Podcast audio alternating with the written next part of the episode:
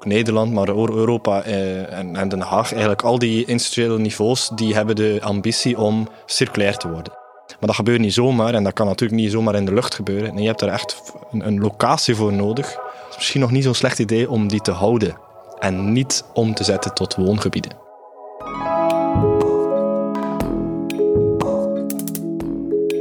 Je luistert naar Uit de Ivoren Toren. Vandaag spreek ik Karel van den Bergen. Het onderzoek dat hij doet is actueel, omdat blijkt dat circulariteit en de woningopgave meer met elkaar te maken hebben dan je zou verwachten. Ik heb met hem afgesproken op de faculteit Bouwkunde in Delft. Daar vertelt hij meer over zijn onderzoek en zijn passie voor beton. Ik ben Deborah Sumter. Dit is aflevering 3, Industrie uit de stad. Nou, goedemiddag uh, Karel. Hoi, hoi. Fijn dat je bij ons uh, aan wilt schuiven. Um, kan je iets meer over jezelf vertellen? Wie ben je en wat doe je? Ja, geen probleem. Al moet ik dat bijna elke dag doen. Ik vind het toch altijd nog altijd gek om uh, dingen over jezelf te zeggen. Maar ik ben dus Karel van den Bergen. Ik ben assistant professor, het Nederlands universitair docent in ruimtelijke planning en ruimtelijke economie aan de faculteit bouwkunde in Delft, TU Delft. Um, en in mijn werk hou ik me een beetje met alles bezig wat ik vooral interessant vind. En wat dat op dit moment is, is uh, vooral de ruimtelijke planning van de circulaire economie. Dat is een beetje de rode draad op dit moment uh, in wat ik uh, van alles doe. En zowel ook in het onderwijs, ook al in de discussies die ik heb met, met veel mensen van allerhande plaatsen en organisaties, maar ook in mijn onderzoek. Een ruimtelijke planning, wat ja. moet ik me daarbij voorstellen? Waar gaat het dan over? Ja, dat kan ik heel simpel uitleggen. Van stel nu dat jij Delft bent, we zijn nu in Delft, hè, je bent gemeente Delft en je hebt een uh, hectare grond, hè, die waarschijnlijk al gebruikt wordt, maar je wilt daar iets anders mee doen. Wat dan? Hè? Wat laat je daar uh, gebouwd worden of zelfs afgebroken worden? En dan heb je te maken met uh, hoe, je ruimte, je, hoe je de ruimte wilt invullen uh, wat je daarmee wilt bekomen. Um, en dan kom je in, uh, ja, in de grote categorieën van is het voor wonen, is het voor landbouw, is het voor industrie en alles daartussen.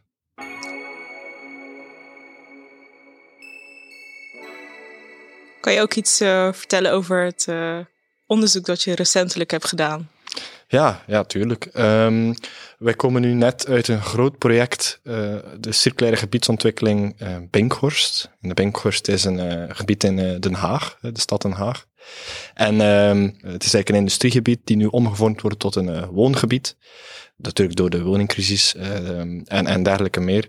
En wij hebben dan met vier universiteiten, de drie universiteiten in Zuid-Holland, Leiden, Delft, Erasmus, maar samen ook met Wageningen, daar een tweejarig project uh, gehad uh, met de reflectie naar de circulaire.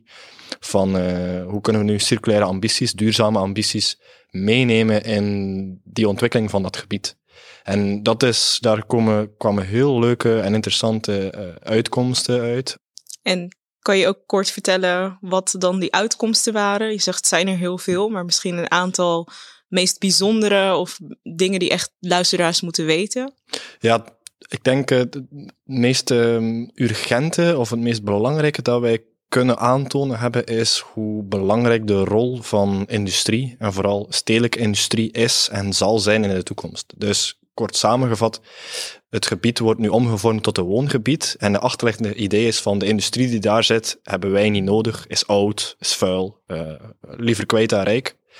Maar wij hebben aan de hand van dat perspectief van de circulaire economie toch wel aangetoond en een stukje de waarschuwing kunnen uh, bewijzen, hè, dat gaat dan via de wetenschap zo, dat zeker in potentie die gebieden en de industrie die daar zou kunnen zijn, nog niet wat er is, maar wat er zou kunnen zijn, heel belangrijk zal worden voor uh, verschillende duurzame doelstellingen uh, op de korte en zeker op de lange termijn. Dus kort samengevat, um, het is misschien op de korte termijn goed om daar woningen te bouwen, maar op de lange termijn kan dat wel een nieuw probleem veroorzaken. En dat probleem is? Ja, dus de, de doelstelling om bijvoorbeeld materialen te herbruiken. En, en ook Nederland, maar Europa eh, en, en Den Haag, eigenlijk al die industriële niveaus, die hebben de ambitie om circulair te worden. Om in feite zelfs geen virgin materials meer te gebruiken. En wat er vaak wordt vergeten, is dat we daar ook functies voor nodig hebben. Dus plaatsen waar uh, materialen kunnen geverfd worden. Het kan heel simpel zijn, uit elkaar gehaald worden, of toch, of zelfs heel complex, dat je echt uit, uit, uit bestaande producten heel nieuwe producten maakt. Maar dat gebeurt niet zomaar, en dat kan natuurlijk niet zomaar in de lucht gebeuren. Nee, je hebt er echt een, een locatie voor nodig om dat te kunnen doen. En de mensen, en de kennis, en de infrastructuur. En die functies, die zullen zeker op de korte termijn vooral in steden nodig zijn. Dus die plaatsen waar die functies vandaag al op zijn minst zouden kunnen komen, is misschien nog niet zo'n slecht idee om die te houden en niet om te zetten tot woongebieden. Ja, je hebt dus ook best wel een, uh, een speciale relatie volgens mij met beton. Ja. Ik zag dat va vaak terugkomen in je artikelen. Ja. Uh, vertel. Ja, eh, eerst en vooral, ik ben niet pro of contra beton hoor. Helemaal niet. Ik ben geen betonboer, eh, zoals vaak gezegd wordt. Maar wij, wij ook mijn collega's, hè, trouwens niet ik alleen. Wij hebben beton gebruikt als een casus om bepaalde onderzoeksvragen te kunnen onderzoeken. En waarom we beton gebruikt hebben, is omdat beton als materiaal, en dat is best uniek, een beperkte vervoerafstand geeft. Beton, simpel gezegd, kan maar 15 à 20 kilometer vervoerd worden vooraleer het te hard is. Dus waar het gemaakt wordt, kan het eigenlijk maar 15 kilometer ver vervoerd worden. Dat is ook de reden waarom in heel Nederland en verder je heel veel uh, betonfabrieken uh, hebt verspreid. Omdat ze het hele grondgebied, in dit geval van Nederland, moeten bedekken in die 15 kilometer cirkels. Dus uh, beton kan in principe ook 100% circulair gemaakt worden, uh, zoals staal vandaag, dat kan ook. Dus wij hebben dan de redenering gemaakt van, oké, als nu Den Haag uh, met zijn ambitie van circulaire economie ook beton daarin wil meenemen, en dat is denk ik een open deur, want alles is bijna beton in de bebouwde omgeving in steden. Dus het op zijn minst erover nadenken om dat circulair te kunnen gebruiken, zal waarschijnlijk al heel veel opbrengen naar uh, ecologische winsten. Um, dus waar zitten die functies die dat kunnen hermaken? Het verhaaltje wat ik daarnet al vertelde. Um, en dan hebben we gewoon de oefening gemaakt van waar zitten die nu? En die zitten vandaag in de Binkhorst. Ja, die zal omgevormd worden. Het is nog niet officieel beslist, maar de kans is heel groot dat die fabriek uiteindelijk ook zal sluiten. En dan de volgende, uh, ligt er nog een uh, volgende betonfabriek binnen die 15 kilometer afstand van Den Haag. En ja, er ligt nog één binnen die 15 kilometer, dus gelukkig kan die betonfabriek in de Binkhorst gesloten worden, want die ligt hier in Den Haag, uh, sorry, hier in Delft, om de hoek zelfs van de TU Delft. En dan komt natuurlijk de, de paradox, hè. ook in Delft wil men dat gebied waar die betonfabriek staat omvormen tot woningen. En ook Delft heeft de circulaire ambitie. En zo zie je dat die circulaire ambities in feite uh, gelegd worden bij de ander. En daardoor de ambitie daarvoor uh, niet lukt. Dus beide steden willen eigenlijk hun, fabrieken, hun betonfabrieken uh, sluiten. Um, is het oké als één van de twee sluiten? Wat, wat, wat zeg je dan? Wat, wat, voor, wat voor advies breng jij dan uit op basis van het onderzoek dat je hebt gedaan? Wel dat de rol, dat de rol van hermaakfuncties, hè, dus de industrie, die niet alleen maar produceert, maar ook herproduceert. Want in de circuleconomie ga je zoveel mogelijk je materialen uh, ja, zo lokaal mogelijk, dat is een andere stelling, maar laten we ervan uitgaan, zo lokaal mogelijk herbruiken. Um, dus je hebt die functies daarvoor nodig om dat ook te doen. En als je die allemaal nu wegdoet, of al sinds de gebieden waar die zouden kunnen komen, omvormt, ja, op een bepaald moment is de vraag van waar dan wel? En bij de meeste producten is dat een discussie die geen antwoord heeft, want bijna alle producten kun je met, met techniek en de transporttechnieken die we hebben over de hele wereld transporteren. Zelfs voedsel kun je vandaag met de juiste koeling over de hele wereld transporteren. Dus ook in de circuleconomie zal dat waarschijnlijk gebeuren. Dus we hebben best lang, wel niet zo lang, maar toch gezocht uh, achter een materiaal waarbij je toch die afstandbeperking uh, hebt. Niet qua transport, maar qua product zelf. En dan kwamen we bij beton. Ja. Dus beton gebruiken we als een voorbeeld voor heel veel producten. Om die doorvertaling naar de ruimtelijke beslissing van, van, van je stad vandaag concreet te kunnen maken en effectief te kunnen aantonen. Ja, je kiest hier voor wonen met alle recht, maar je, je gaat hier wel natuurlijk uh, je toekomstige ambities misschien wel uh, fnuiken.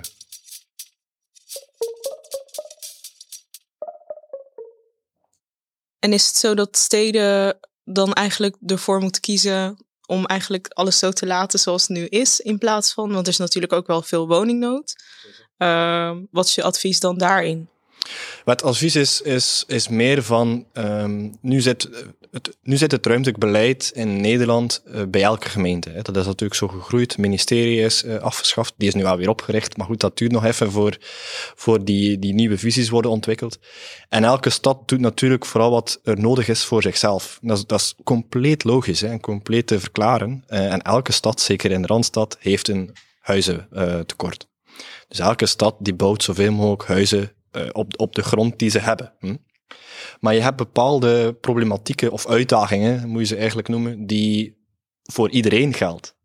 Maar bij die problemen die voor iedereen gelden, is het vaak niet helemaal duidelijk wie dan die verantwoordelijkheid moet nemen. En als die verantwoordelijkheid niet zo duidelijk is, ja, dan schuift het naar beneden op de lijst van prioriteiten. Maar goed, met zo'n onderzoek tonen we dat aan dan, dat het op een bepaald moment wel ergens moet komen. En als je dat nu allemaal al doet vandaag, eh, ik bedoel daarmee, als je vandaag al die functies uh, schrapt, of toch de locaties waar die functies zouden kunnen komen, ja, dan is er gewoon geen plaats meer hiervoor. Of moet je dan, en dat is in feite zelfs wat ik denk ik het belangrijkste is, dat we dan binnen 10 jaar of binnen 15 jaar misschien het omgekeerde gaan doen en het woongebied die in de plaats kwam van een industriegebied terug omvormen tot een industriegebied. En reken maar uit hoeveel vaak publiek geld daarmee gemoeid is. Dat denk ik is slechte ruimtelijke ordening. Dus steden zoals uh, Delft en Den Haag, die zouden dan ook me meer moeten gaan optrekken om te kijken van oké, welke betonfabriek bijvoorbeeld uh, sluiten we uh, en welke laten we nog staan? Ja. ja. Moet ik daar dan aan denken? Ja, en dat gebeurt ook wel. De provincie Zuid-Holland neemt daar een voortrekkersrol in en die doen echt wel heel mooi werk in die oefening. En ook meer en meer zie je dat op nationaal niveau gebeuren. Ook zelfs op Europees vlak begint men die oefening te maken. Maar de snelheid van de woningcrisis is, zo groot, is zo enorm, wordt zo snel gebouwd, dat uh, het besef misschien iets te laat komt om nog effectief te kunnen ingrijpen. De Binkhorst bij, bijvoorbeeld, die zal geen industriegebied meer worden. Dat is al te ver. En dat is niet slecht hoor, maar dan moet iemand anders het wel doen. En die iemand anders, die plekken zijn heel snel aan het verminderen. Of we gaan bouwen in het groen. Maar goed, dat is ook iets dat uh, zeker niet populair is. Nee, dat snap ik. Je bent ook academisch coördinator van, van het uh, eh, LDE Center for Sustainability Lab over Circular Building uh, Materials. Mondvol. Ja, het is een hele mond vol. Misschien kan jij er zelf wat meer over vertellen. Ja, ja dus uh, Leiden Delft Erasmus hebben een samenwerking. Dat heet dan LDE. En daarin heb je het Center for Sustainability. En daaronder heb je nog eens de mogelijkheid voor studenten van die drie universiteiten om te kunnen afstuderen op een bepaald onderwerp. En dat heet dan de Graduation Lab. En dit jaar gaat Graduation Labs over uh, een circulaire hub. En die vraag hebben we gekregen vanuit de gemeente Leiden. Dus die zijn naar LDE gestapt met uh, de vraag, de relatie lag er natuurlijk al vooraf, met de vraag van ja, wij als Leiden, een beetje hetzelfde zoals ik al vertelde met Den Haag en zo, ook Leiden heeft de ambitie om circulair te worden. Hm? Maar dan is de volgende vraag, hoe dan? Hoe gaan wij de circulaire economie faciliteren? Hoe, hoe gaan we nu die stappen zetten naar die transitie? En voor steden is een van de belangrijkste uh, uitdagingen de bebouwde omgeving. Die telt voor gigantisch veel mee in de slechte score van ecologie en zo. En uh, broeikasgassen, uh, dat bedoel ik dan. Dus hoe kunnen we stappen zetten om onze bebouwde omgeving circulair te maken? En vandaag toch uh, meest um, de oplossing die vaak wordt gezien vandaag is we moeten een plaats creëren waar materialen kunnen gestockeerd worden en waar mensen dan zien of, of kunnen, dat mag digitaal ook zijn, die aan het bouwen zijn van oké, dat zijn de materialen die vandaag beschikbaar zijn. En die kunnen we dan, één op één is het beste in dezelfde tijd, maar stel dat we binnen een half jaar bouwen, dan gaan we die materialen van die plaats halen. Dus een circulaire hub. Maar dat, zover komt men. En dat is het wat men vooral nu weet. Maar dat is nog heel weinig van wat zo'n plek effectief zou kunnen of zou moeten zijn. En die vraag ligt nu centraal in dat Graduation Lab.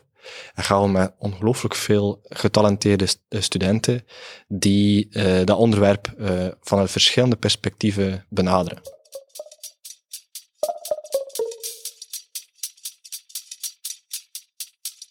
Wat voor uh, vragen komen daar allemaal bij uh, kijken? Want ik zou denken, ja, zo'n hub, dat Dat, dat bouw je ergens gewoon een soort van loods en daar worden gewoon materialen in opgeslagen. Makkelijk zat. Ja. Waar moet daar een heel lab aan eh, besteed worden? Ja, ja dat is de, de, de, de meest simpele invulling. En daar heb je volledig gelijk in. Dat is wat de meeste bedrijven en gemeenten nu ook op werken. Maar zelfs dit simpele eh, idee van zo'n hub eh, wordt al gauw heel complex. Want dan heb je te maken met welke logistiek. Gaan we er allemaal vrachtwagens naartoe sturen? Of zouden we toch beter gebruik maken van spoor en water bijvoorbeeld? Of moeten we het toch allemaal op kleine busjes zetten? Hè? Maar kan dat dan met eh, de gewichten en de, hoeveel, en de volumes die zo'n eh, bebouwde omgeving eh, nodig hebben en realiseren? Ehm, dus dat is al, kijk, als je dan enkel over het, het simpele, hè, tussen haakjes, aspect van logistiek even erop nadenkt, of over nadenkt, dan zie je al dat het complex wordt. Maar het gaat veel verder natuurlijk. Wie zal zo'n plaats betalen? Wie zal daar ook op die plaats zitten? Zijn dat dan bedrijven? Of zijn dat dan, is dat dan één bedrijf? Of is dat dan de overheid die eigenlijk alles eh, organiseert? Maar ja, de overheid, zeker in, in deze westerse samenleving, heeft geen bedrijven. Dus eh, de bedrijvigheid hebben we ook voor gekozen zit bij de private kant. Eh, dus ja, is dat dan een PPS, een privaat-publieke samenwerking? Of, of gaan we echt helemaal in de privé geven? Eh, maar wie controleert dat? Wat is de openheid van die data? Ehm, en dan ga je steeds verder van wie zal daar werken, bijvoorbeeld? Welke jobs hebben we nodig? Ehm, zal dat, dat goede jobs zijn? Ehm, wat is de impact qua milieu van zo'n plaats? Moeten we trouwens niet veel meer doen dan logistiek? Moeten we ook niet zorgen dat als we dan al die producten samenbrengen op een plaats, dat we dan ook zoveel mogelijk toegevoegde waarde uithalen. Dus zoveel mogelijk processen die we nodig hebben daar houden. Het verven, het uit elkaar halen, dat dat niet ergens anders gebeurt, maar ook op die plaats, et cetera, et cetera, et cetera. Dus dat is heel complex. Niemand heeft dat overzicht. Dat kan ook niet. Maar net in dit graduation lab, waarbij je heel getalenteerde studenten hebt van alle drie de universiteiten, die op aan zich al een, een specifieke focus hebben, kunnen zij uh, dat samen, denk ik, uh, een, klein beetje beter kunnen beginnen inschatten.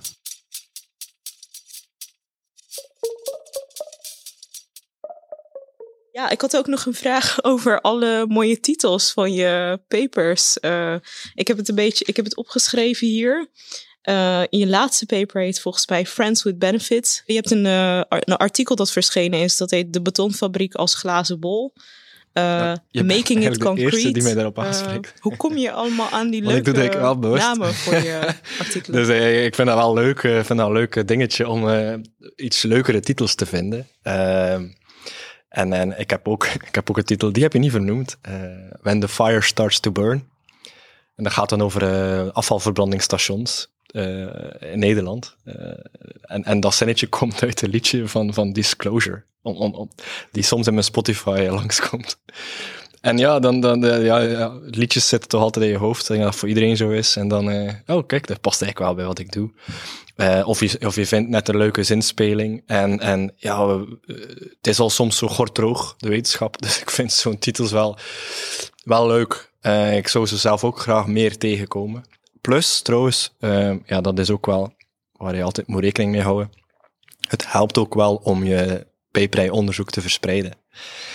En dat is toch wel wat we nooit mogen vergeten, hè, we doen geen wetenschap voor onszelf, we doen het voor de maatschappij. Uh, dus als je, da, dat, dat alleen al, als je daar alleen maar een, een klein percentage mee meer kans hebt om je boodschap te verspreiden, ja, dan zou je het uh, nooit moeten nalaten. Natuurlijk mag geen ding op zichzelf worden, anders, anders krijg je gekke dingen, denk ik. Bas Jansen, de vorige gast die we uh, hebben gehad, die had ook een vraag aan jou. Ben je benieuwd? Ja, ik ben heel benieuwd, ja. Mag ik Karel ook een persoonlijke vraag stellen, want ik ken hem. Zeker. of die inmiddels uh, zijn uh, mobiliteit ook weer verder verduurzaamd heeft door tegenwoordig weer meer te fietsen. Ja, uh, nee, ik fiets niet zoveel meer. Ik, ik, heb al de fiets, ik heb eigenlijk samen met hem zelf mijn fiets gekozen. Want Bas is een veel, veel betere fietser dan ik en weet er ook heel veel van. Ik ben maar een heel kleine amateur. Maar ik heb wel een fiets gekozen, een gravelbike. Dat is het hippe van nu. Een fiets die niet alleen op de weg uh, handig is, maar ook in bossen en, en ietsje uh, ruigere omgevingen. En ik was heel goed aan het fietsen. Um, en ik zou dat nog altijd graag doen, maar ik heb een babyzoontje van elf maanden. En om, om dan drie, vier uur lang te gaan fietsen, dat past niet altijd bij het nieuwe leven die, die, waar ik in nu, van, nu in zit. Dus, uh, maar goed, het wordt altijd maar beter. Hij slaapt altijd maar beter en, en langer ook. Dus uh, ik, denk, ik hoop dat ik weer meer ga fietsen binnenkort. Ja. En misschien dus ook dus met Bas dan? Ja, ja, zeker. Ja, ook met corona is dat niet... Dat was eigenlijk al lang het plan, maar dat is nog altijd niet gelukt. Nee, nee, nee. Dus ja, Bas, uh, als je luistert, we gaan samen fietsen, maar alsjeblieft niet te snel. Um, dan, is, en dan hebben we ook als vraag aan jou. Uh, de volgende gast die we spreken, dat is uh, Glenn Aguilar. Hij is een onderzoeker op het uh, CML in Leiden. En hij heeft in zijn, recentelijke zijn meest recente onderzoek heeft hij gekeken naar het effect van COVID binnen de semiconductor-industrie. Um, daar is een tekort ontstaan en daar weet hij ons veel meer over te vertellen. Um, dus de vraag aan jou is, wat zou jij van Glenn willen weten? Ja, ik denk dat dat onderzoek ongelooflijk interessant en relevant is. En wat mij, bij mij dan direct um, uh, naar boven komt, is de geopolitieke kant daarvan. En ik denk niet dat hij daarmee bezig is. Als dat wel zo is, dan is dat super. Want het is natuurlijk vandaag een uh, onderwerp van geopolitieke uh, spanningen, hè, op zijn minst, zelfs ruzies. Dus in hoeverre is het onderzoek dat wij, ik zeg dan Nederland, ontwikkelen op die, op die, in die computerchips, in hoeverre uh, slagen we er ook in om die kennis hier te houden en vooral onze problemen. Dat is, een beetje, dat is ook al normatief. Wie is ons, wie is hij, wie is hun? Maar goed, misschien weet hij dat ook al een antwoord op. In hoeverre slagen we erin om die kennis die we hier ontwikkelen ook vooral hier in te zetten voor de maatschappelijke problemen die wij hebben? Uh, en tot slot, ik had nog een laatste vraag. Uh, Leiden Delft Erasmus bestaat, bestaat dit jaar tien jaar. Het is het Lustrumjaar. en als thema, het thema is The Next 10 Years. Dus de vraag aan jou is, wat denk jij dat de grootste doorbraak zal zijn binnen jouw vakgebied in de komende tien jaar? De grootste doorbraak in, in mijn onderzoek zal zijn een soort van renaissance van ruimtelijke planning. Dus Nederland is het land bij uitstek, toch zeker inter internationaal gezien, die heel goed is in ruimtelijke planning. Hè. Uh, in alle boeken internationaal sinds wordt dat op zijn minst zo aangeduid, al wel. Er zijn veel onderzoeken die dat aantonen dat dat niet meer zo is. En dat klopt ook, het is eigenlijk niet meer zo. Dus de ruimtelijke planning en de keuzes in wat waar moet komen zijn, uh, en het beleid erachter is ja, verdwenen. Maar die komt nu door de problemen die in feite daardoor opkomen, heel snel weer op. Dus in de komende tien jaar zul je veel meer de keuzes, het zal van moeten zijn, naar boven komen van wat kiezen we nu. En dan zit je heel dicht tegen de kern van welke maatschappij je wil. Waar ruimte is letterlijk vaak het, het, uh, het punt waar maatschappelijke problemen op uitgespeeld worden of kunnen opgelost of, of, of verbeterd worden. Dat zal in de komende tien jaar uh, terugkomen. Of, of, of alles, althans, dat hoop ik. Ja. Nou, Karel, bedankt dat je bij ons te gast was. Uh, ik heb nu veel meer geleerd over uh, circulaire gebiedsontwikkeling. Um, dus bedankt voor, al, voor je verhalen. Nou, heel hartelijk bedankt voor de uitnodiging. En uh, ja, doe zo verder met jullie podcast. Fantastisch.